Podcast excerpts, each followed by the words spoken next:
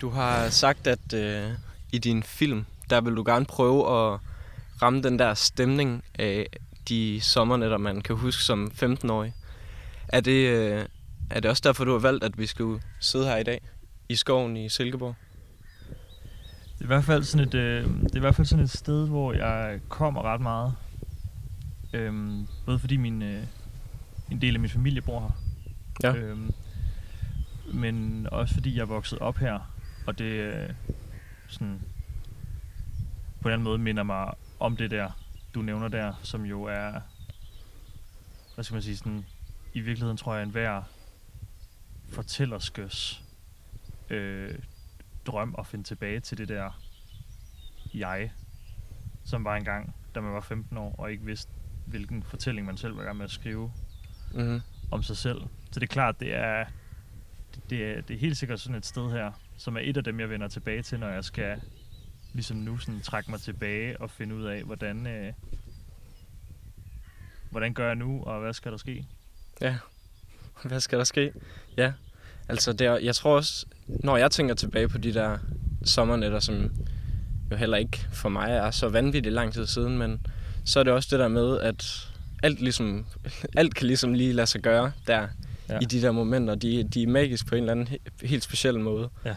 Og, og man, på en eller anden måde, så, så kan man nærmest aldrig huske noget negativt ved de der minder. Nej, det er meget sjovt. Det, og det, det, det er sådan en helt en, en stemning, altså i sig selv, kan man sige. Ja.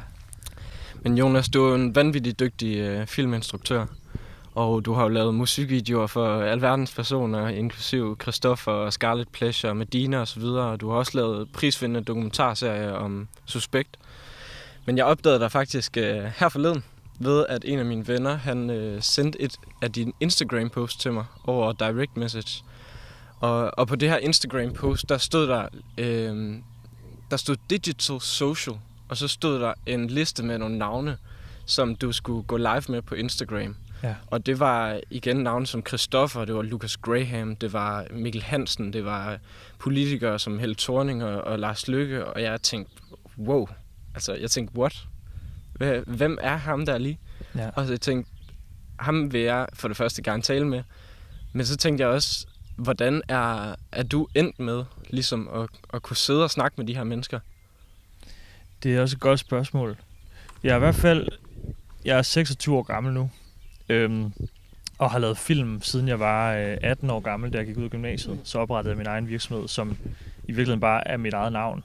Hmm. Øhm, og har i dag et lille produktionsselskab, hvor jeg sidder med min producer og min produktionsleder. Og øh, sådan i, i alt, hvad jeg har arbejdet med, af fiktion især, og musikvideoer og dokumentar, har jeg arbejdet enormt tæt med øh, mit hold for at hele tiden ramme unge mennesker. Mm. Øhm, det er sådan en, en, et rum, jeg godt kan lide at træde ind i, fordi det er så fanden svært at ramme unge mennesker. Og øh, i takt med, at jeg også selv sådan begynder at føle mig bare en lille smule ældre fra hver år, der går, kan jeg godt se, at jeg, sådan, jeg, skal, jeg skal koncentrere mig mere og mere for at være i tråd med sådan, okay, hvad, hvad sker der lige, når man er 18 år nu? Eller hvad sker der, når man er 15 år eller 12 år? Øhm, og, og på den rejse har jeg været så heldig at komme ud og tale med en masse unge mennesker i foredrag og workshops og lektioner. Mm. Øhm, og det er sådan noget, jeg har lavet sideløbende med, at jeg selv har instrueret. Og, øh, og lavet diverse sådan, medieproduktioner. Øhm, så jeg har altid haft lyst til sådan at, øh, at lave interviews. Og jeg har altid haft lyst til at øh, lave dokumentarer, hvor man fortæller nogens historie til nogle andre. Med det, med det i baghovedet, at inspirere nogen til at gøre noget anderledes, eller se anderledes på deres liv. Øhm, og da coronaen så ramte, så så jeg pludselig den her mulighed for, at det jo, nu, nu har jeg pludselig alle de her mennesker til rådighed, fordi at ingen laver noget. Så alle dem, som jeg sådan på den ene eller anden måde havde formået at prikke lidt til i løbet af de sidste år, og sådan på en eller anden måde var kommet lidt tæt på bare på et tidspunkt, øhm, dem kunne jeg pludselig lave en aftale med nu. Og øh, pludselig kunne jeg, hvad skal man sige, spørge om deres tilbud om at arbejde sammen stadigvæk stod. Og så kunne jeg hive dem ind i det her. Øhm, så, det, så det jeg helt konkret gjorde til dem, der ikke har set det, det er, at jeg, jeg omlagde ligesom min ret ukendte Instagram-profil til at blive en læringsplatform, hvor jeg hver fredag inviterede henholdsvis 10 eller 12 øh, store danske navne, journalister, kunstnere, instruktører ind og talte live med mig omkring det at bruge tiden derhjemme fornuftigt og kreativt, og om ikke at gå i, øh, gå i stå.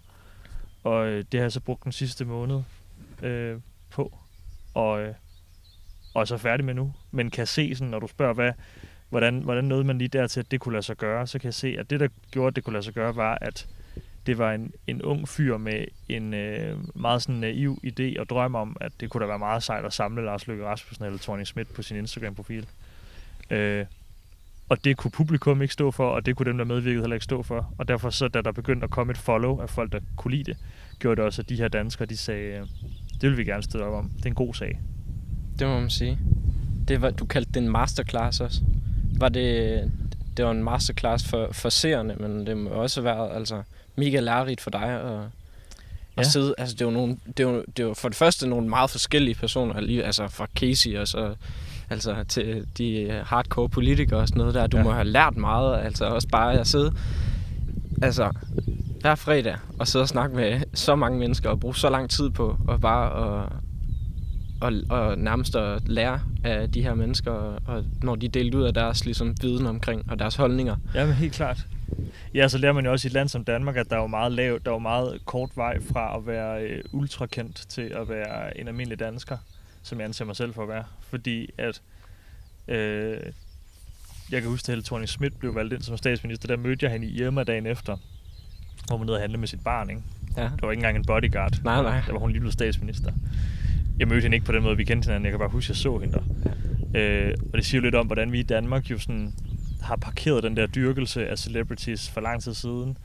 Og et projekt som mit her bekræfter jo forhåbentlig de unge i, at jamen, hvis du går og drømmer om at blive skuespiller, så sidder Pilo Asbæk altså lige nu også i et sommerhus og røvkeder sig, og alt er gået i stå for ham også. Ja. Øh, så I er, ikke så I er ikke så fjern fra hinanden i virkeligheden. Det handler bare om at gå med sin, øh, med sin drøm, ikke? Ja. Ja. Perfekt. Hvis vi prøver at skrue tiden sådan helt tilbage, Ja. hvordan fandt du så din ligesom, passion for video- og filmskabning? Jeg voksede op her, 3 kilometer væk herfra, over en sø, og så ned ad en villavej, hvor min gamle folkeskole ligger. Og øh, voksede op i øh, ren sådan villavejs øh, øh, idyll. Ingen problemer. Øh, jeg husker sådan duft af asfalt og meget sne om vinteren. Og sådan, alt var meget sådan kærkomment og øhm, meget sådan roligt, husker jeg det også som. Og, og midt i alt det der, tror jeg også, jeg var sådan en dreng, der gik og kedede mig lidt.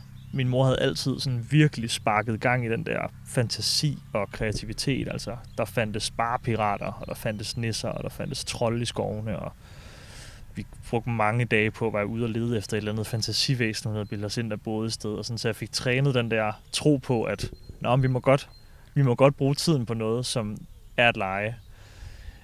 Og i de år der blev der sået nogle frø i mig, der gjorde, at da jeg så begyndte at finde det her redskab, som nu engang var et kamera, som min farfar havde aflagt, så kunne jeg pludselig se, hvordan det kunne gøre, at man også kunne være sammen med sine venner på en ny måde.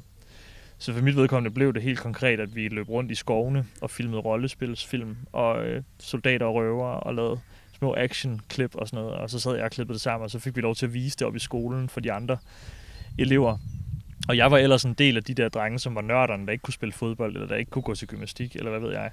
Øh, så jeg havde ikke rigtig så meget andet at brillere med. Men det jeg kunne, og som jeg fandt ud af, at jeg kunne der, det var, at jeg kunne underholde. Og pludselig begyndte det sådan på det helt lave frikvartersniveau når vi taler om det der med at tiltrække kendte mennesker ind i sit, øh, i sit galleri i dag, så gjorde det, at de der seje drenge for årgangen pludselig synes, det var meget fedt at være med, fordi de havde timing og var grineren, og det de kunne, det var, at de forstod sådan, hvordan skal vi lave sjov med Robinson-ekspeditionen, hvis vi skal lave noget her, som folk vil grine af. Så det gjorde vi, og så dengang var der et socialt medie, der hed Arto, som øh, er dødt i dag, men som var lidt det samme som Facebook. Øhm, men hvor man kunne lægge ting op og lægge videoklip op, og så begyndte jeg stille og roligt sådan at gøre det, som du gør i dag, og begyndte sådan at udkomme med videoer og få noget feedback og få noget respons. Det gør, at man får lyst til at lave mere. Der skal næsten ikke mere til, end der bare er to, der siger fedt. Så er man allerede i gang med den næste video. Øh, og det brugte jeg sådan 7. til 9. klasse på, at, at virkelig finde mig selv som ham der. Der var ham, der kunne gå ud og filme noget, klippe det sammen, og så glædede folk sig til at, at se det, ikke? Ja. Ja. Lidt Dø har lavet en artikel om dig, der hedder The Opposite of a Real Film Director. Ja. Føler du dig øh, anderledes i, i den branche, du arbejder i, altså i filmbranchen? Mm. Det gør jeg, fordi at jeg ikke rigtig har en... Øhm, jeg har jo ikke rigtig den der baggrund, som man jo dyrker ret meget i de kreative fag. Øhm, der er jo nogle gange sådan næsten en pervers styrkelse af det der med at være fra et, øh, en, fra et mørkt hjem, eller have en mørk fortid. Øhm, da jeg startede på gymnasiet efter folkeskolen, øh, havde jeg lige følt, jeg, jeg følte, jeg havde fundet mig selv som ham, Jonas, der der lavede filmen. Og drømte om at komme ind på filmskolen, og tog til sådan et intromøde med min mor derud, kan jeg huske, hvor en af repræsentanterne for den danske filmskole sagde, at hvis man skulle gøre sig nogle forhåbninger at komme, komme ind som instruktør her, så skulle man have oplevet, jeg kan tydeligt huske det, man skulle opleve noget i sit liv, som eventuelt kunne være misbrug, omsorgssvigt, forældre, der ikke havde været der. Øh, noget, som, som, øh, som havde været så slemt, at man havde en historie at fortælle. Ellers skulle man ikke gøre sig nogle forhåbninger om, at der ligesom var et publikum, der ville lytte til en. og fra det, jeg lige fortalte før med, hvordan jeg sådan har op, opfatter min opvækst, som har været, så var jeg jo bare det fuldstændig modsatte af det, som man skulle kunne der. Øhm, så alle mine drømme blev egentlig knust der. Og, og, og jeg måtte bruge hele min gymnasietid på faktisk at finde noget selvtillid igen til sådan, at når jeg, men måske kan jeg lave videoer på en måde, hvor jeg bare sådan kan blive en lille bitte del af filmbranchen. I lang tid vidste jeg godt, sådan, jeg kommer ikke til at blive filminstruktør så, men så kan det være, at jeg kan blive noget andet. Måske kan jeg være sådan en, der, der er god til at komme med idéer eller et eller andet. Men når jeg kigger tilbage, så synes jeg, det er skræmmende at tænke på, hvor lang tid jeg blev ved med at bilde mig ind, at det var rigtigt, det der, jeg havde mm. hørt. Ikke? Så når du nævner det her med, at jeg er øh, modsætning af, hvad en rigtig filminstruktør burde være, så er det helt rigtigt, fordi at jeg, jeg dyrker totalt øh, både opmærksomheden, og jeg dyrker også det brede publikum. Øh, jeg er ikke bange for at være mainstream, og jeg er heller ikke bange for at sige, at jeg gerne vil lave film, som der skal ramme øh, hele Danmark. Øh, hvor mange instruktører er der for kunsten først, og det har jeg den dybeste respekt for. Det er også de instruktører, jeg selv bedst kan lide at se film fra. Men jeg kan ikke selv finde ud af at være ham, fordi at øh, jeg er for hurtigt videre, og, og jeg går mere op i at kunne holde den der kæmpe gode fest, som alle snakker om et år efter, end at være ham, som holdt den hyggelige middag, hvor der virkelig var lækker mad til to venner. Ja, ja det, er fedt. det er sådan en fed måde at sige det på, men tror du ikke, at folk de opfatter det, som du laver, som kunst? Det er et godt spørgsmål. Altså nu taler du om, at, at, at når du for eksempel siger, altså dine egne ord her, siger, at, at du bedst kan lide at se dem, der laver film for kunsten først. Ja. Så, så, så altså, tro, tror, du, tror du ikke, at folk, der ser dine videoer, tænker, okay, det der, det er kunst? Eller tror du bare, de, hvad, hvad tror du, de tænker? Det gad jeg virkelig godt vide. Når jeg ser min egen ting, så, øhm, så, så ser jeg det som fortællinger. Hmm. Øhm, og nok ikke endnu som noget, hvor... Jeg tænker det i hvert fald ikke som kunst. Nej. Men hvad er, hvad er kunst så for dig? For, for mit eget vedkommende, når jeg, når jeg modtager kunst, så er det, så er det i, i, i det sekund, hvor det bliver givet videre. Mm. Øh, så er man, er man kunstner, så er man sådan en, der giver gaver. Og øh, når, jeg, når jeg selv laver noget, hvor jeg får at vide sådan, åh, oh, det er virkelig fedt det her. Tak fordi du gjorde det. Det, var, det, det fik mig til at tænke over noget. Så er det i det lille øjeblik der, at der er noget, som er, er kunstnerisk, hvis man skal tale om, om, om øjeblikket. Når jeg sidder herude og skriver eller tænker, så laver jeg ikke kunst. Så sidder jeg og prøver at klargøre nogle ting op i mit hoved, noget der kan blive til noget. Okay. Men lige så snart, at jeg laver en kortfilm, og du ser den, og du mærker noget, så er den givet videre. Og så mm-hmm. er, er det blevet til en gave. Og det er jo det, det, det, det er også derfor, man kalder det kunsten at give, og kunsten ja. at tage imod. så det er nok det lille øjeblik. Men jeg tror ikke, man nogensinde... Eller, jo, det kan man sikkert godt, hvis man er ophavet nok. Men jeg er... Øh, du kender selv den her... Sådan den der sfære af internet. Ja. Det er jo blevet mere og mere blurry, det der med sådan... Hvor er det lige det der øjeblik sker han? Når du står på en teaterscene, så kan du kigge folk i øjnene. Nu spiller jeg for dem. Eller øh, når, når, du, øh, når du spiller musik til en koncert, så står det der publikum og klapper med. Du kan mærke en til en, nu giver jeg. Ja. Det er svært, når man lægger noget på YouTube og mærke sådan... Det tror jeg faktisk også. Nu så jeg... Øh, jeg har set nogle stykker af din Digital Social der, men jeg tror Casey han sagde netop sådan noget der med, at det, hvor han taler om, at det var fedt at komme ud, og han lever for at komme ud og, og, og spille live. Og at når det er på Spotify, så er det jo egentlig bare et tal. Altså, og det er svært at... Han, han talte meget om det der med, at han, så kunne han se, hvordan folk de havde det Ja. til det, han havde lavet. Ja. Øh, hvor på Spotify og på YouTube, når du lægger noget på YouTube, så, eller når jeg lægger noget på YouTube, så er det jo bare altså et tal, Præcis. og ikke, ikke en, øh, altså en fornemmelse eller en følelse, eller, eller noget, man sådan ser for sig. Og det er et tal, som man har meget svært ved også sådan på forhånd at gøre sig nogle tanker om, fordi man, man, man, man det kan genkende selv. Øh, Nu har jeg lige lanceret en ny ungdomsserie, hvor jeg ved, hvor jeg vidste, at når, når det her kommer ud, kommer jeg, sidde til, kommer jeg til at sidde og kigge på de der tal der, Hmm. hver time for time. Ja. Øhm, og vi kan lige så godt bare være straight up, at det gør man, når man lægger ting på nettet. Man Ja. ja. følger med, og det gør selv Casey, han kigger med hele dagen lang på, hvordan de der Spotify-streams hopper op og ned. Fordi man er også interesseret i, hvordan går det i forhold til det gamle, og hvor er jeg på vej hen, og lytter folk med derude, er de der? Det er jo en bekræftelse. Men man bliver også klogere. Men det, som der er rigtig farligt ved det, det er, at man... Der er jo aldrig nogensinde nogen, der lægger et billede på Instagram, og lige spørger sig selv, inden de trykker upload. Hvad vil jeg være tilfreds med af likes? Ja. Man håber bare altid på, at der kommer flere end sidst. ja. Og når der så ikke gør, så er man allerede lidt sådan, hmm, vi kan vide, hvad jeg gjort galt nu. Og så begynder man næsten at blive sådan, men det er jeg også ligeglad med. Det er også lige meget for mig. Der skal også nogle gange være noget, som alle ikke liker. Sådan. Så Ja. lægger jeg noget op en anden gang, hvor folk liker det. Men det sjove er jo, at da jeg lagde den her nye ungdomsserie op, så tænkte jeg meget over det der med sådan, hvor skal det ligge, før jeg er tilfreds? Fordi så lad mig aftale det med mig selv nu. Ja. Fordi så kan det også godt være, at det ikke rammer dig op, og så må jeg godt være skuffet. Mm. Men nu er den ramt 15.000 views på et øh, døgn, Ja. hvilket jeg er glad for. Men for at være helt ærlig over for dig, så øh, har jeg ikke haft nogen lykkesfølelse over det endnu, fordi jeg ikke sat det der pejlemærke for mig. Havde jeg nu sagt, at jeg havde håbet, at der var 2.000, der så med, Mm. så havde jeg jo været flyvende nu.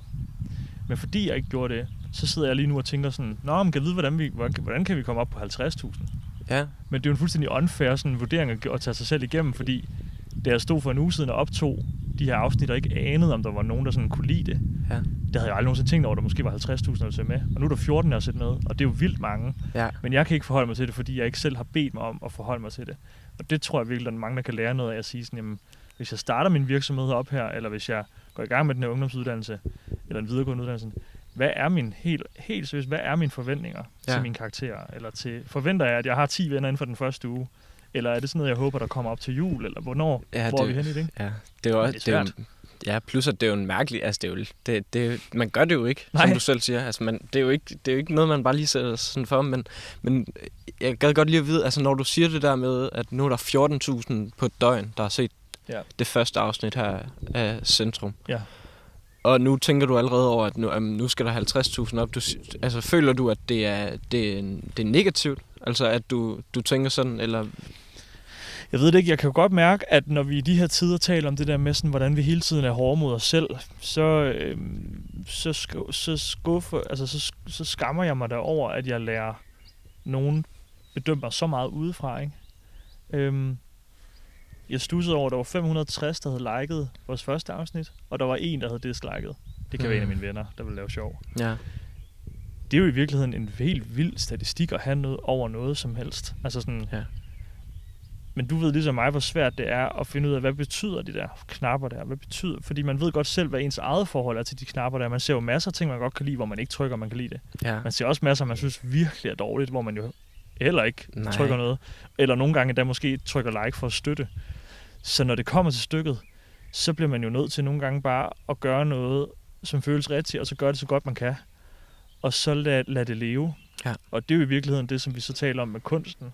Det er nok det, som, som der er, hvis jeg kan noget som helst kunstnerisk, så er det nok det, at på trods af hele tiden at gå og bedømme mig selv på, hvad folk tænker, så blive ved med at sige sådan, jamen, jeg kan ikke gøre mere i mit arbejde som instruktør, end det jeg gør. Jeg, kan, jeg, jeg har fået de her skuespillere til at spille så godt de kan.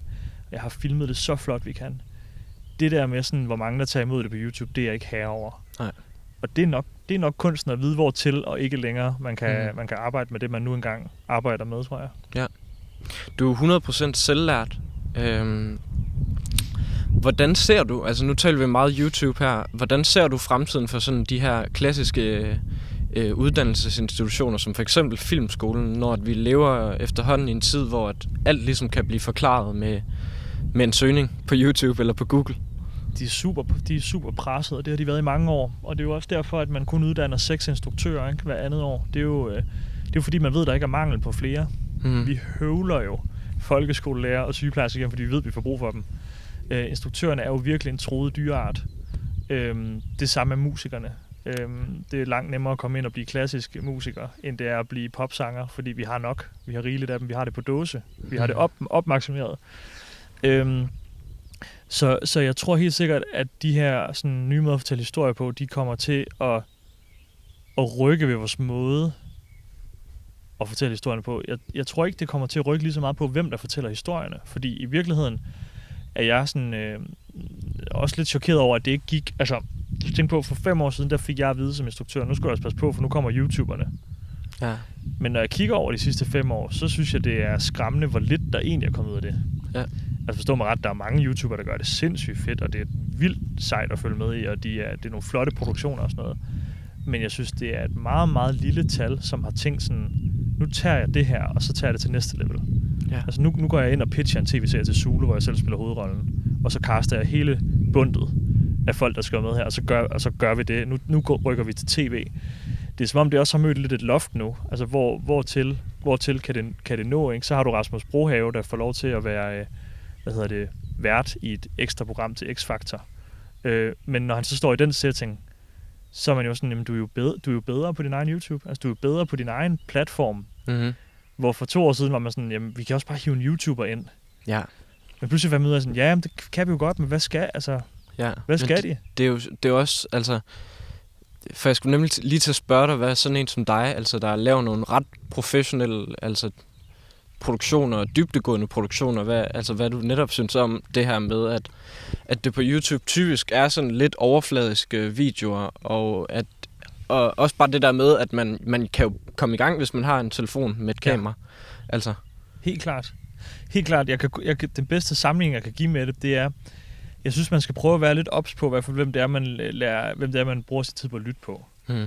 Øh, fordi alle må udkomme, og jeg synes, det er så fedt, at der findes øh, YouTubere og unge i alle sådan, kanter og kategorier, der laver hver deres former for videoer, og, og har hver deres indgangsvinkel til, hvad de vil åbne op for, hvor, meget de, hvor, hvor ærlige de vil være og sådan noget.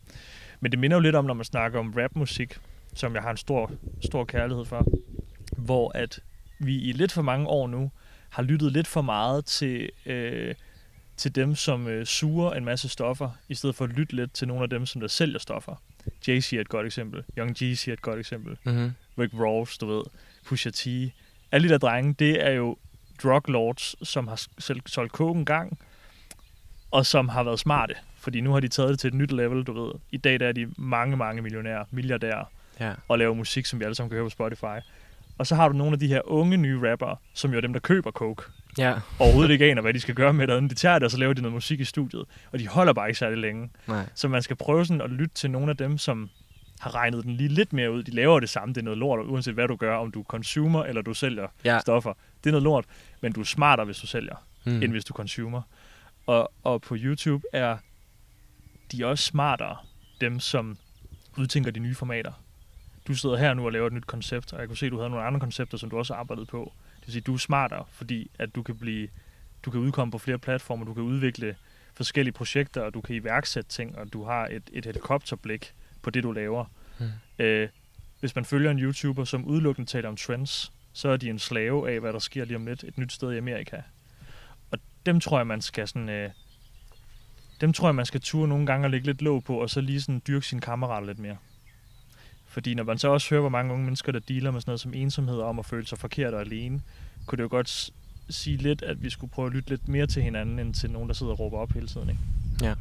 Men dermed sagt, så elsker jeg kreativiteten i det, og jeg synes, jeg kan se mig selv. Nu snakker vi lige om TikTok, inden vi gik i gang her. Ja. Hvis TikTok fandtes, da jeg var 15 år, altså jeg havde været... Jeg havde ikke lavet andet, end at sidde derinde og lave små videoer og lave sjove sketches og sådan Nej. noget. Jeg synes virkelig, det er optur, hvordan unge mennesker bare sådan smadrer de der medier Ja. og flækker det fra hinanden. Og man har jo netop, altså man har jo netop sindssygt mange muligheder i dag. Altså Ja. helt ufattelig mange. Man har næsten for mange muligheder, så man nærmest ikke ved, hvor man skal, Ja, præcis. skal begynde, ikke? Jo. Men, men hvad, hvad, hvis der nu sidder nogen derude, som, som godt kunne tænke sig lidt mere end, end bare YouTube, Ja. ja. hvad, hvad, hvad skal man så gøre for at blive filminstruktør? Jamen, det er, godt, det er et godt spørgsmål. Man skal jo starte med at prøve at gå ud og lave nogle historier. Og om man vil starte med at sidde og skrive lidt, eller man bare vil tage sit kamera i hånden og gå ud og filme, eller man vil lave et interview, eller, eller om man vil gå i gang med at sidde og lave noget musik, som har en fortælling. Altså det der med at begynde at finde ud af, hvordan laver jeg noget, som folk vil lytte eller se på. Øhm, jeg synes, et af de mest sådan, håndgribelige eksempler, det er det der med, prøv at skrive en godnat-historie. Hmm. Du ved, hvor lang den må være. 8 minutter, så falder folk i søvn. Ja. Øh, men det, der er vigtigt, det er, når de vågner op, når de siger sådan, ej, vil du ikke læse for mig igen i aften? Det er den, det er den reaktion, den skal du prøve at søge først. Og det fede ved en godnat-historie er, at det kan jo være alt i hele verden. Det kan være den lille kanin, som bevæger sig ud i en skov, og så pludselig blev det mørkt, og så begyndte det at regne, og bla bla bla. Hmm. Der behøver ikke være nogen hale i det. Nej. Men det, du kan træne der, det er, kan du lave noget, som er spændende? Og kan du lave noget, som fanger folk? Og når man så begyndt at finde ud af, hvordan fanger man folk, så er det, man kan begynde at finde ud af, hvad er det så, jeg gerne vil fortælle? Er det, at du synes, at øhm, unge i dag er for dårlige til at tale om sine følelser? Jamen, så prøv at se, hvad du har omkring dig. Jeg er... Øh, jeg, jeg, jeg bor i en lejlighed i Valby med min kæreste, og vi har madordning, og øh, har øh, vas, øh, gør rent en fast dag om ugen og støvsuger, og jeg har et kontor inde på Værndomsvej, jeg cykler ind til hver dag. Det vil sige, jeg er totalt fanget i sådan en firkant af, hvad jeg laver i mit arbejdsliv. Selvom det kan virke som om, jeg sådan er ekspressionistisk og ude og lave alt muligt hele tiden, så har jeg super meget en dagligdag. Ja. Det, som de unge jo ikke har, det er jo en dagligdag. Og det vil sige, har man en historie omkring sig, så er det jo bare med at gå i gang med at fange den, fordi jeg kan ikke nå at fange den. Så sidder man på en efterskole eller sted og kan mærke, at ens to veninder, de er så ved at gennemgå et eller andet spændende. Så er det jo bare frem med den der telefon og filme det. Og det du altid kan gøre, det er, at du kan klippe noget sammen. Og så kan du sende det til DR3, eller du kan sende det til DR2 Plus og sige, jeg har den her fortælling. Øh, jeg har skudt et par dage på det. Hvad siger I, tror I, det kan noget? Så kan jeg jo blive ved med at filme. Og rigtig ofte, det var det, der skete, da jeg selv lavede en dokumentar om Suspekt. Altså der viste jeg dem bare sådan et nedklip på 5 minutter og sagde, jeg har gang i det her, hvad tror I, det kunne blive til noget? Så sagde de, det vil vi gerne have, at du bare bliver ved med, og så vil vi Ja. gerne købe det, når det er færdigt. Og så kan man jo altid lære det tekniske hen ad vejen. Altså da jeg var på det der tidspunkt, så øh, jeg anede ikke, hvordan man indstillede kamera. Jeg havde kun én optik, og jeg skød alting i 29 frames, fordi jeg troede, det var bedre end 25 frames. Og Mhm. det er, de måtte installere kæmpe maskiner for at få alt det der materiale til at blive konverteret efterfølgende. Ikke? Ja. Men hey, det er jo fuldstændig ligegyldigt. Ja. De sagde jo bare sådan, det kunne være fedt, hvis du holdt kameraet lidt mere stille, måske på nogle af optagelserne. Og så lærte jeg jo undervejs, og så hyrede jeg en fotograf, der kunne hjælpe mig lidt med noget af det. Men det der med bare at finde ind til kernen af historien først, det er det vigtige. Der er aldrig nogen, der kommer til at booke dig, eller købe dit projekt, fordi at de synes, det kun er flot filmet. Altså, de kommer til at spørge først, sådan, hvad handler det om? Ja. Og der kan man vende tilbage til godnat-historien og sige sådan, det handler om de her to piger her, som er gået i den her skov, og nu er det blevet mørkt, og nu er det begyndt at regne. Mm. Og så pludselig hører de en lyd. Så vil de fleste jo være sådan, Nå, hvad er det for en lyd? Jamen, det er jo det. Ja. Det er derfor, du skal købe det her projekt, så du Ja, kan finde ud af, hvad den lyd, hvad den lyd er. ja. Du har også sagt, at, at øh, netop øh, dokumentarserien om Suspekt, det var ligesom din filmskole. Ja. Men hvor, altså, hvordan finder du inspirationen, altså for eksempel til at sige, hey, lad mig lige høre Suspekt, om jeg må følge dem? Der kiggede jeg på, og det prøver jeg i virkeligheden meget at gøre. Jeg prøver hele tiden at kigge på, hvad er det for nogle emner, når jeg er sammen med mine kammerater og min familie, som deler vandene. Øhm, nu var det altså ikke meningen, at jeg ville sidde og snakke om kokain. Jeg har, lige nogen, jeg har ikke engang røget en cigaret i mit liv. Jeg vil sige, mm. Det er altså ikke, fordi jeg sidder og fortaler for det. Men kokain er et godt eksempel, fordi at øh, det deler vandene. Ja. Enten hader man det, eller så elsker man det. Men uanset hvad, har alle en holdning til det. Det vil sige, derfor så synes folk, at dokumentar om kokain er vildt spændende. Det samme med Suspekt. Enten hader man det, eller så elsker man det. Og det er en af de bedste måder at bygge en dokumentar op på, fordi du ved, at folk kommer til at have mening om det allerede, inden de har set den. Så når folk siger det ude ved middagsbordene, så er det sådan, har I set den her nye Suspekt-dokumentar? Nej, det gider jeg fandme ikke. Ja. Hvorfor gider du ikke det? Og så begynder snakken. Øhm, og det er et godt trick til at finde en inspiration, det er at sige sådan, om det kunne da godt være, at jeg skulle prøve at lave noget omkring den flotteste pige på hele skolen, men som man bare fandt ud af virkelig var et asympatisk røvhul. Nå, men hun er jo stadig flot.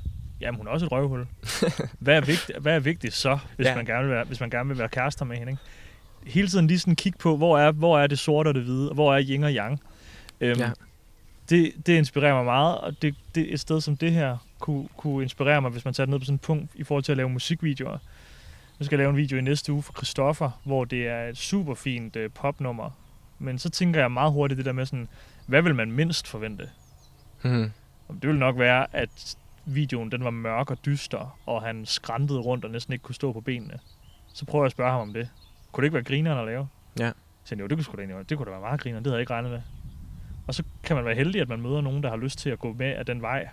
Men uanset om man så ender med at gå den vej, så er det den tanke omkring det uforudsigelige, der gør, at der nogle gange kommer et fedt projekt ud af det. Ja. Så inspiration kommer i at se noget, som er tosidigt, og så prøve at se, hvordan kan jeg så gøre det uventet. Nu taler du også nu netop lige det der med Christoffer, det, det vidste jeg selvfølgelig ikke, at du skulle det, men at det også skulle være sådan lidt, altså, lidt dystert på, dystert på en eller anden måde. Altså, du har også sagt, at, at, at mange af dine projekter starter med en frygt. Mm. Altså, hvor der, jeg, jeg tænker så også, og nu har jeg nemlig set det første afsnit her af Centrum. Ja.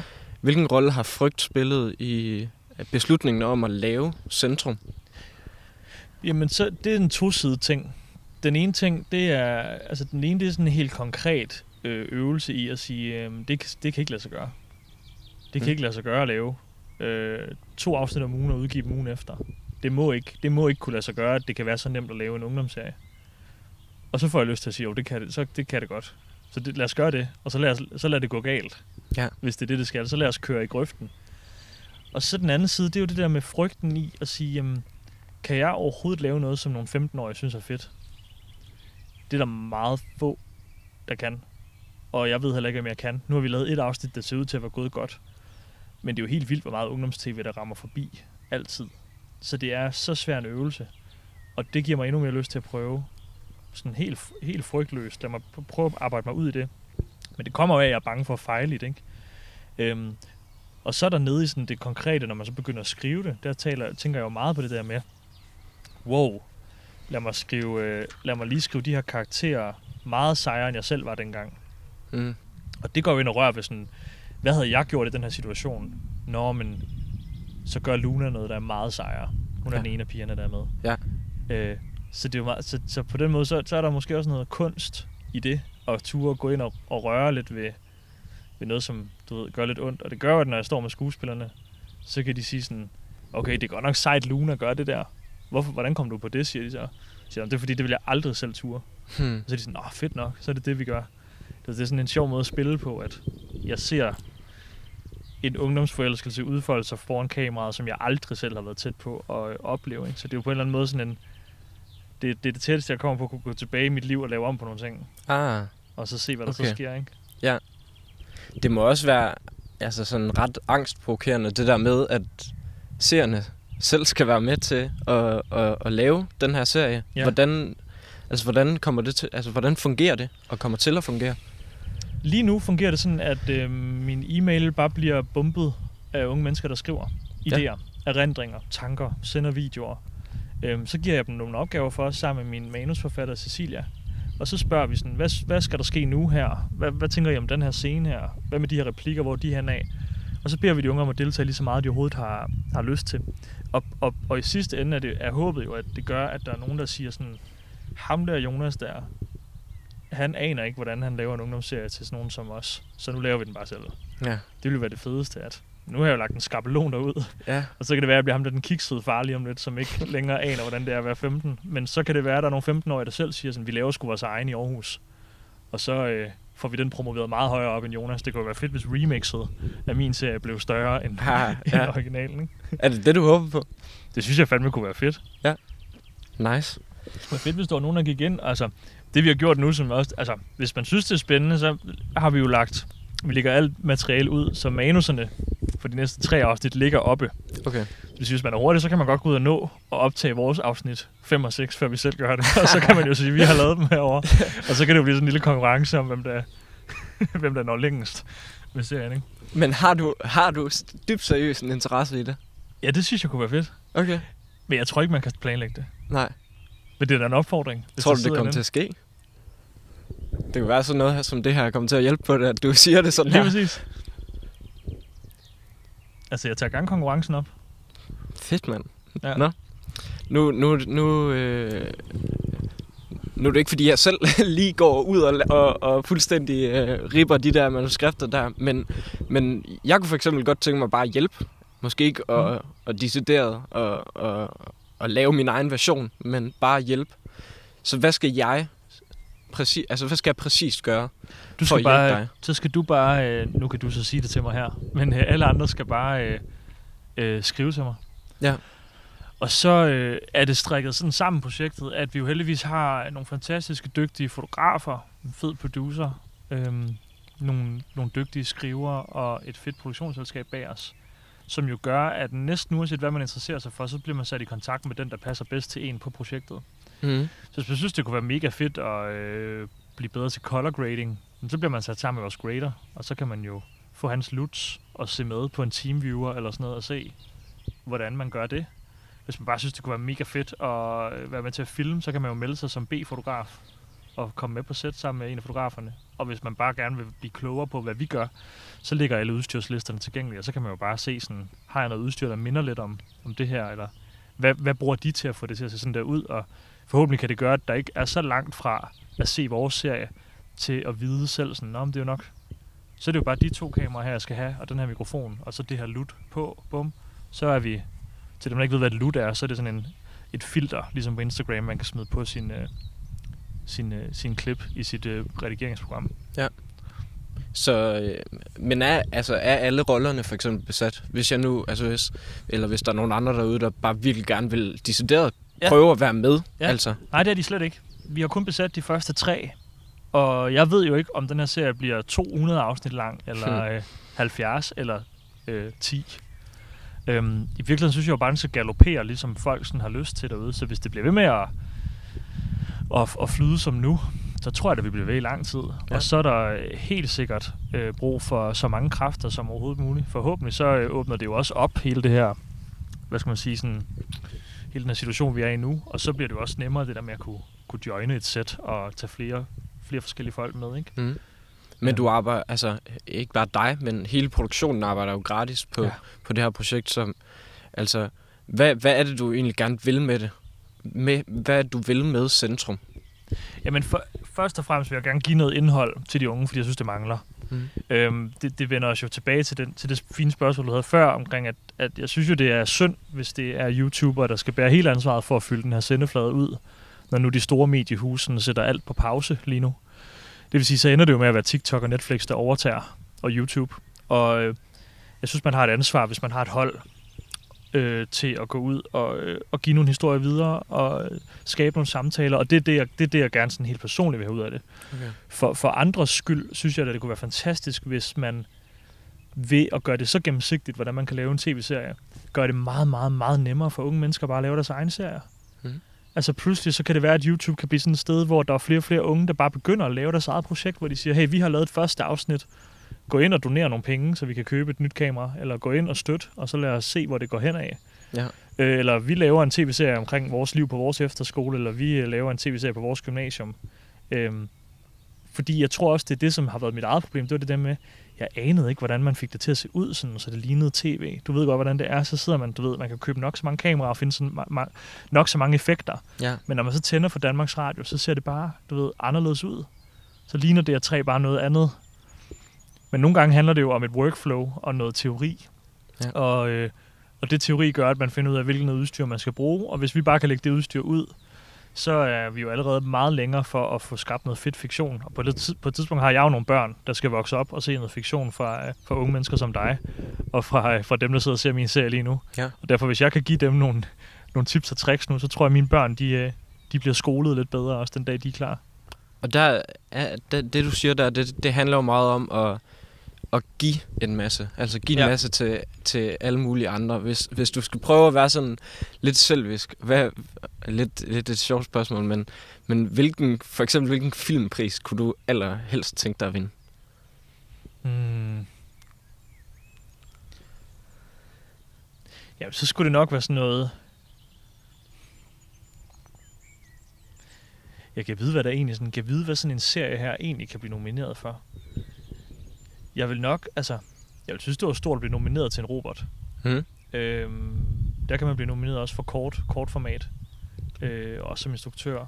Øh, det vil jeg synes var stort, fordi det er sådan en, det er sådan en filmkritikerpris.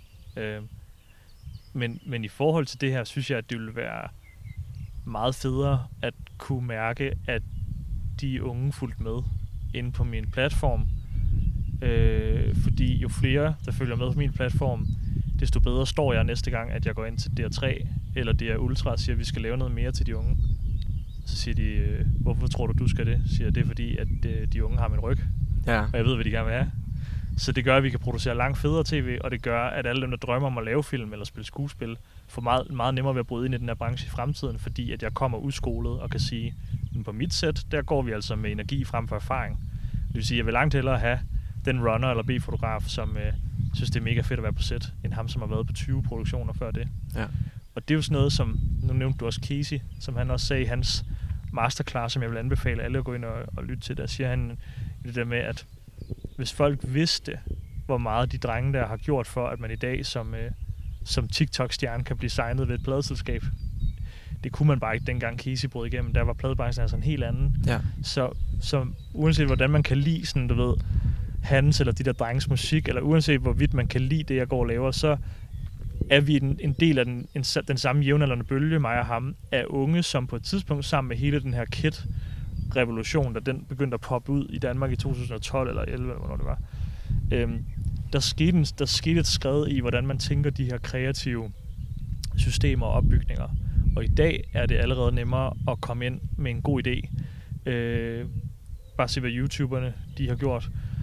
Og om fem år, om ti år, er det, er det endnu nemmere at få lov til at komme ind og blive hørt, også selvom man ikke har en filmskole i ryggen, eller man har en, en, en, oms, en omsorgssvigtsfuld barndom, hvor ens forældre ikke var der for en og sådan noget. Ikke? Ja. Det skal være sundt at lave kunst. Du, øh, du er også selv vokset op med, med musik. Hvilken, hvilken rolle tror du, det har spillet i, at du i dag laver mange musikvideoer? det har spillet en kæmpe rolle, fordi det er det gør, at jeg har det gør, at jeg altid har haft mine referencer i orden. Så jeg har aldrig sådan set mig selv som været den bedste musikvideoinstruktør, men jeg har, jeg har, jeg har altid valgt projekter ud efter, om jeg kunne hvad skal man sige, lide musikken, eller om det gav mig den rigtige vibe. Og, og det er jo sådan, det har jo virkelig noget at gøre med, hvordan man også selv bruger musik. Jeg bruger musik rigtig meget i forhold til også at skrive. Jeg ser faktisk ikke særlig mange film. Jeg ser heller ikke så meget tv. Men jeg lytter til rigtig mange albums. Også for mange nye kunstnere. Jeg elsker, når folk sender mig ting også. Og jeg bruger det virkelig meget til at skrive. Så de fleste af mine ting, altså Centrum er baseret på, øh, på øh, Oasis' musik. Okay. Jeg kun hørt Oasis, mens jeg har skrevet Centrum. Og det er meget mærkeligt, fordi det er jo sådan et, et gammelmandsband nu. Men så har det lige sat mig i en vibe af ungdom, som gør, at jeg kan skrive det. Men jeg har ikke set nogen film eller tv-serie, der har sådan banet vejen for, hvordan centrum skulle filmes eller se ud eller føles. Nej. Så er der nogen, der skriver i medierne, at det minder om noget skam, og det minder om noget doggy-style over på DR3 og sådan noget, men jeg har set to afsnit af Skam for at forstå, hvad det var. Ja. Og så har jeg set to afsnit af Doggy Style for at forstå, hvad det var. Men så har jeg så til gengæld hørt hele soundtracket tre gange fra begge serier. så det, du ved, Ja. det er sådan, jeg arbejder med musik. Du har nemlig også sagt, at, øh, at du tit finder soundtracket, før du overhovedet begynder at skrive. Ja. Det, det, det lagde jeg også ret godt øh, mærke til. Det synes jeg, det var, det var ret cool. Det er også derfor, alle mine soundtracks ligger ude på Spotify. Fordi der er, jeg tror, der er to, der lytter til det ud over mig. Men så er det ligesom noget den dag, der er nogen, der Men man kan gå ind og finde dig på Spotify, og så høre ja. din... Fedt, mand. Det skal jeg lige ind og kigge på også. Ja, Du, øh, du sagde lige her forleden, eller for lidt tid siden, at du skulle øh, optage en musikvideo med Christoffer i næste uge. ja. Øh, første gang, at du ligesom tager fat i... Jeg kunne forestille mig, at du tog fat i Christoffer, eller han Ja. tog fat i dig. Hvordan kommer du til at lave en musikvideo første gang for Christoffer? Jamen det, er, det, var, det var i mit, øh, det var med, i mit arbejde med Suspekt, da jeg løb rundt og lavede en tv-serie for dem, som det hedder Danmark blev Suspekt. Den kom ud i... Den kom ud for nogle år siden. og, øh, og, øh, og da jeg gik og lavede den, så blev jeg pludselig ringet op af hans management, der sagde sådan, at Christoffer han havde set, at jeg havde gået og lavet noget med Suspekt, og han synes, at det var nogle seje ting, vi lavede. Og derfor ville han høre, om jeg kunne tænke mig at lave en musikvideo. Og så lavede vi det, og så vi så lavet, jeg tror vi har lavet tre nu, og nu skal vi så lave vores fjerde her. Øhm, så i dag er det, øh, fungerer det sådan, at det er ham, der kontakter mig og siger, jeg har et nummer her, Jonas. Jeg tænker måske, at du eller en anden instruktør kunne være god til at lave noget på det. Og så typisk er vi jo to instruktører, der kommer med et bud, og så mm. Vælger han ligesom, hvad han synes, der er fedest. Men, men det var helt sikkert sådan en, jeg har set noget, du har lavet. Øhm, skal vi ikke lave noget sammen? Okay. Øhm, så jeg vil også sige til dem, der tror, at, at det handler om at være det rette sted på det rigtige tidspunkt, fysisk. Det har ikke været min erfaring. Altså min erfaring har været det der med, at man sørger for at få smidt nogle ting derud, som folk kan se. Ja. Øhm, og det er klart, det er jo ikke sådan, at Christoffer går ind og finder min YouTube-kanal og pludselig begynder at se, hvad jeg sidder og laver for nogle videoer. Sådan, sådan fungerer det ikke. Men det, man skal prøve, det er jo, om man kan, kan komme i kontakt med en eller anden artist, enten en upcoming, eller en lidt højere end det, som man kan få lov til at lave noget for, som man så virkelig gør sig umage omkring. Og så skal man bruge det til at sende det til pladselskaberne og sige sådan, hey, øhm, jeg har lavet det her, nu ved jeg, hvem jeg er. Og, og det, der er det største problem nogle gange, det er jo, at når man får lov til at lave en musikvideo, så er det første, folk gør, det er, at de går ind og kigger på, hvordan jeg har lavet dem, og så skriver folk, vil du ikke sende nogle moodboards, eller hvordan Mm. plejer I at lave det? Og det er jo lige præcis der, man har muligheden for at lave noget, som jeg ikke har lavet. Ja.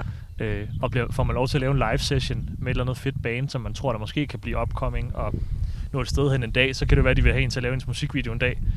Så er det jo virkelig med at prøve at lave den live session, så den ikke ligner en anden live session. Ja. Og turde tænke, tænke den vej, fordi der skal jo ikke andet til. Det kender du selv, at man ser et eller andet på nettet, man synes er sejt, og så gemmer man det. Ja. Men Eller Men- subscriber til YouTube-kanalen, eller følger den på Præcis. Instagram, eller hvad der nu end kunne være, ikke? jo, men det er sjældent, man ser noget, som man har set 100 gange før, og så tænker, Nå, men jeg føler lige med at se, om han lægger noget federe op om et år. Ja. Du ved, det skal jo ramme første gang, ikke? ja. Plus at hvis man står som musiker og skal vælge mellem altså, to instruktører, så altså, eller hvis du laver noget som alle andre, så er det jo mange, mange, mange tusind instruktører, du kan vælge imellem.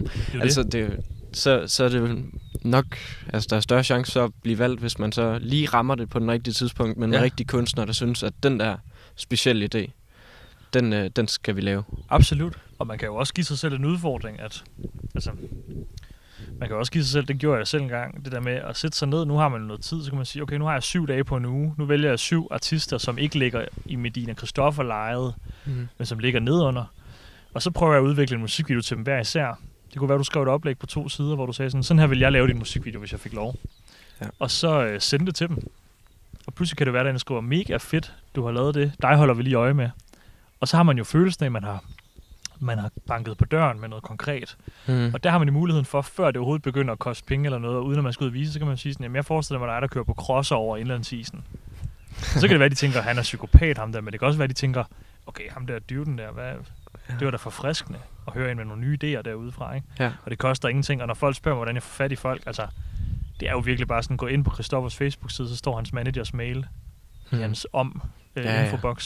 Infobox. Skriv til den og sige, hey, jeg håber virkelig, du vil sende det her videre til Christoffer. Tusind tak på forhånd. Og så skriv en sød, velformuleret mail. Jeg lover, det kommer. Altså, det kommer alt sammen videre. Alle folk tjekker deres, ja. ja. deres mail. Hvis man ikke får svar, så er det måske, fordi man bare skal prøve igen en anden gang. Eller... Ja. Og så var det bare ikke et rigtigt match.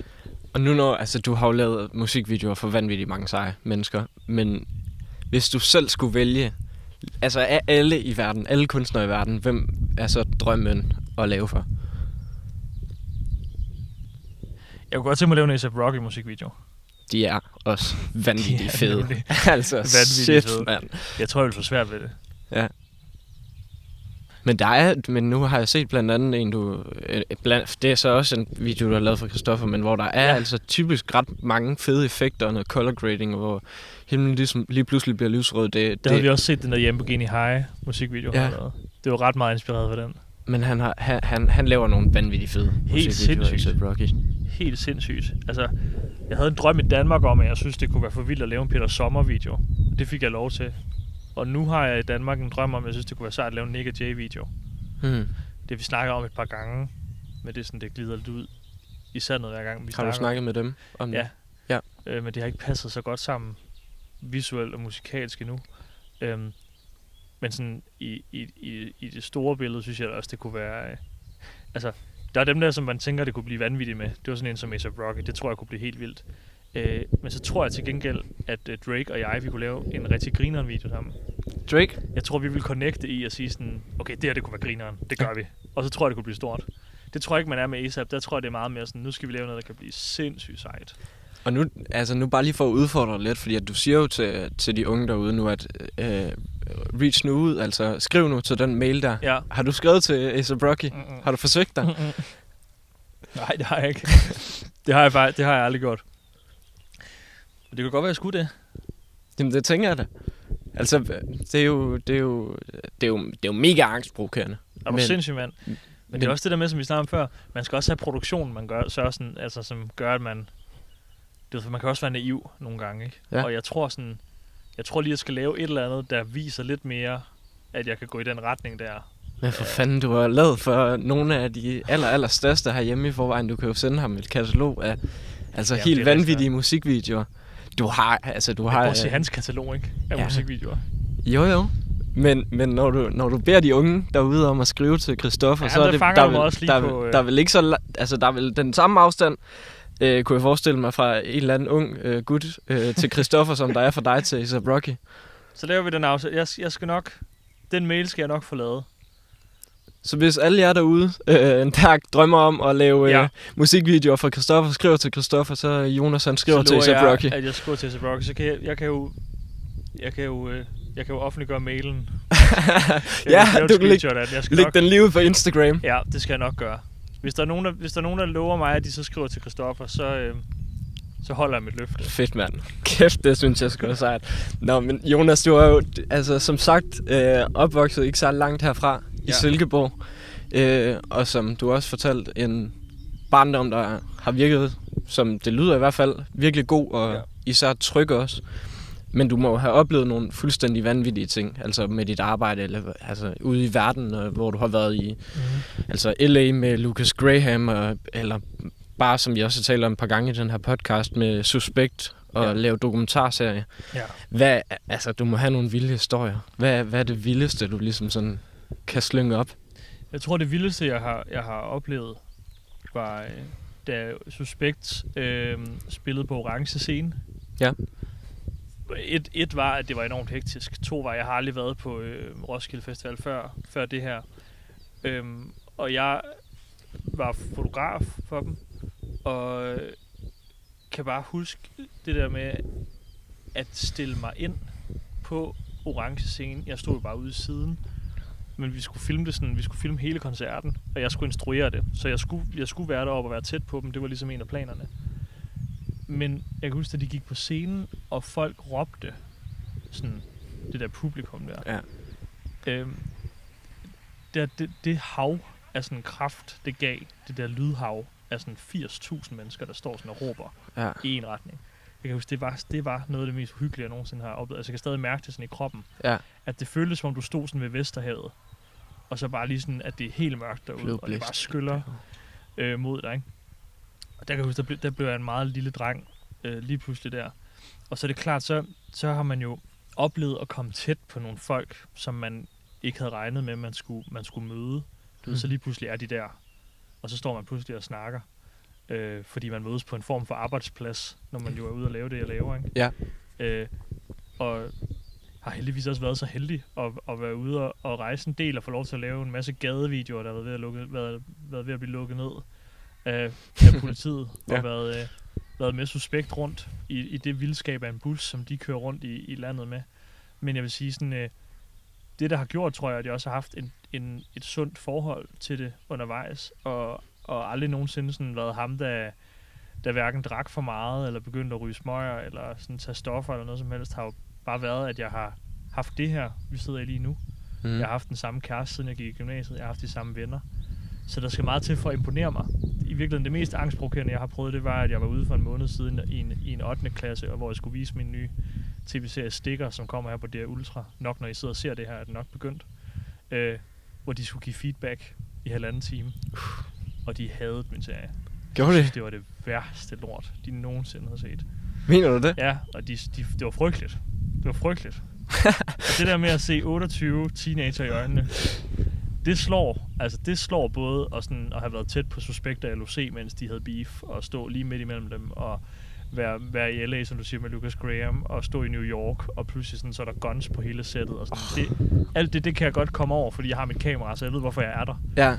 Her sad jeg godt nok lige i, i 8. klassen i, øh, i Vandløse og tænkte, her har jeg bare ikke lyst til at være med. her har jeg lyst til at løbe nu og flygte. Øh, det vi så fandt ud af heldigvis, det var, at øh, 7. klasserne og nogle andre 8. klasser synes, det var fuldstændig fantastisk. Så jeg havde også lige ramt en klasse, der virkelig havde mig og det. Okay. Men man kommer over det, og så har jeg jo lavet Centrum nu, og det tror jeg, de kan lide. Det er lige til lidt ældre og sådan, så det, alt giver noget godt Mm. med sig også. Ja. Men når du siger vanvittige historier, så, så er det klart, så, så det, der, det, der sætter sig mest, det er, det er mest de gode ting. Altså det er, det er sådan noget som, som det der med at prøve at udgive noget, og så se, at der er mange, der connecter med det og sådan noget. Det, det er det fedeste. Jeg har, jeg har været rimelig skånt for, for sådan at være helt derude og, og sejle. Ja. Hvis alt nu falder præcis som det skal, Mm. hvad drømmer du så om? Altså, hvad, hvad skal der ske med Jonas Risvig? Jeg skal lave øh, spillefilm, og så skal jeg lave tv-serier. Og øh, jeg vil rigtig gerne lave, øh, lave, blive ved med at lave fiktion til, til unge. Men jeg vil gerne lave så god fiktion til unge, at de voksne har lyst til at se med. Så øh, en, en bred del af den danske befolkning får lyst til at følge med i, hvad jeg, hvad jeg går og laver for nogle film. Så har jeg lyst til at lave, lave film og tv for de unge, som øh, har 100 af tanker og følelser i kroppen, men som godt må sidde i et parcelhus på en villavej. Øh, og så prøve at finde ind til, hvad er det så for nogle tematikker, man skal behandle for, at de unge, der sidder i Ishøj eller Gellerup-parken, også synes, det er relevant og spændende. Mm. Sådan, så det ikke behøver at blive socialt realistisk og handle om, at enten så er du herfra eller herfra, men hvad er det for nogle, hvad er det for nogle film, der kan røre alle i virkeligheden, ikke? Et godt eksempel for mig var sådan en film som Steven Spielbergs E.T., der jo bare handler om nogle børn, der finder et rumvæsen, de skal tilbage til en UFO. Mm. Jeg forestiller mig, at det er lige meget, om du sidder i Indien, eller i Kina, eller i Danmark, så er det sådan en film, der gør indtryk på en. Og de oplevelser øh, kunne jeg vildt godt tænke mig at skabe på folk. Og så går jeg sådan og drømmer om at lave en skole på et tidspunkt i film, og se om man ikke kunne, kunne gøre sådan noget. En filmskole, hvor man ikke skal være uforståelig for at komme ind. En filmskole, hvor man skal sidde herude. Jeg kunne godt tænke mig at prøve at lave sådan en, en form for uddannelse, eller et kursus. Ja. Øhm, og så går jeg da også og drømmer om at, at, at begynde at producere nogle flere ting. Altså øh, være ham, som, hvad skal man sige, køber projekter og får dem afsat, så jeg ikke sådan... Øh, jeg føler noget, noget af det, som jeg også kan på godt og ondt, det er, at jeg kan finde ud af at, at konceptuere projekter. Mm. Så jeg drømmer om i fremtiden at kunne være ham, man går til, hvis man som ung har en idé til en tv-serie, og så kan jeg være ham, der kan lægge nogle penge og sige, øh, her er nogle penge, så du kan gå i gang. Så lave en pilot. Øhm, det har jeg desværre ikke sådan rigtig ressourcen til nu. Jeg kan hjælpe med alt muligt andet og snakke og sådan noget. Men jeg glæder mig til en dag at kunne investere i, øh, i unge og deres filmprojekter og sådan noget, som produktionsselskab. Fedt. Prøv at høre, jeg synes, du er, er helt oprigtigt, synes du er fucking sej. Tusind. Altså, og jeg glæder mig vanvittigt meget til også. tak. Jeg glæder mig vanvittigt meget til at, øh, at følge med. Altså, Fedt. følge med på sidelinjen, og måske også øh, lige hjælpe lidt med, Præcis. øh, med din nye serie Centrum. Du er velkommen. Husk øh, til alle jer, der sidder ude, og øh, gå ind og tjek Centrum ud nu. Den, øh, det kan godt være, at der lige er et par afsnit nu. Måske, der være. Måske en 3-4 afsnit, når det her det kommer ud til ja. jer. Så, øh, så der er masser at gå i gang med, og så ellers så vil jeg bare sige tusind tak, fordi at øh, du gad at lave den her podcast øh, med mig i dag, Jonas. Det er mig, der takker. Tak, mand. Tak til alle, der lyttede med. Fedt. Fuck, hvor optur, mand. Ja, det var fandme nice. Altså. Ja, det kører jo.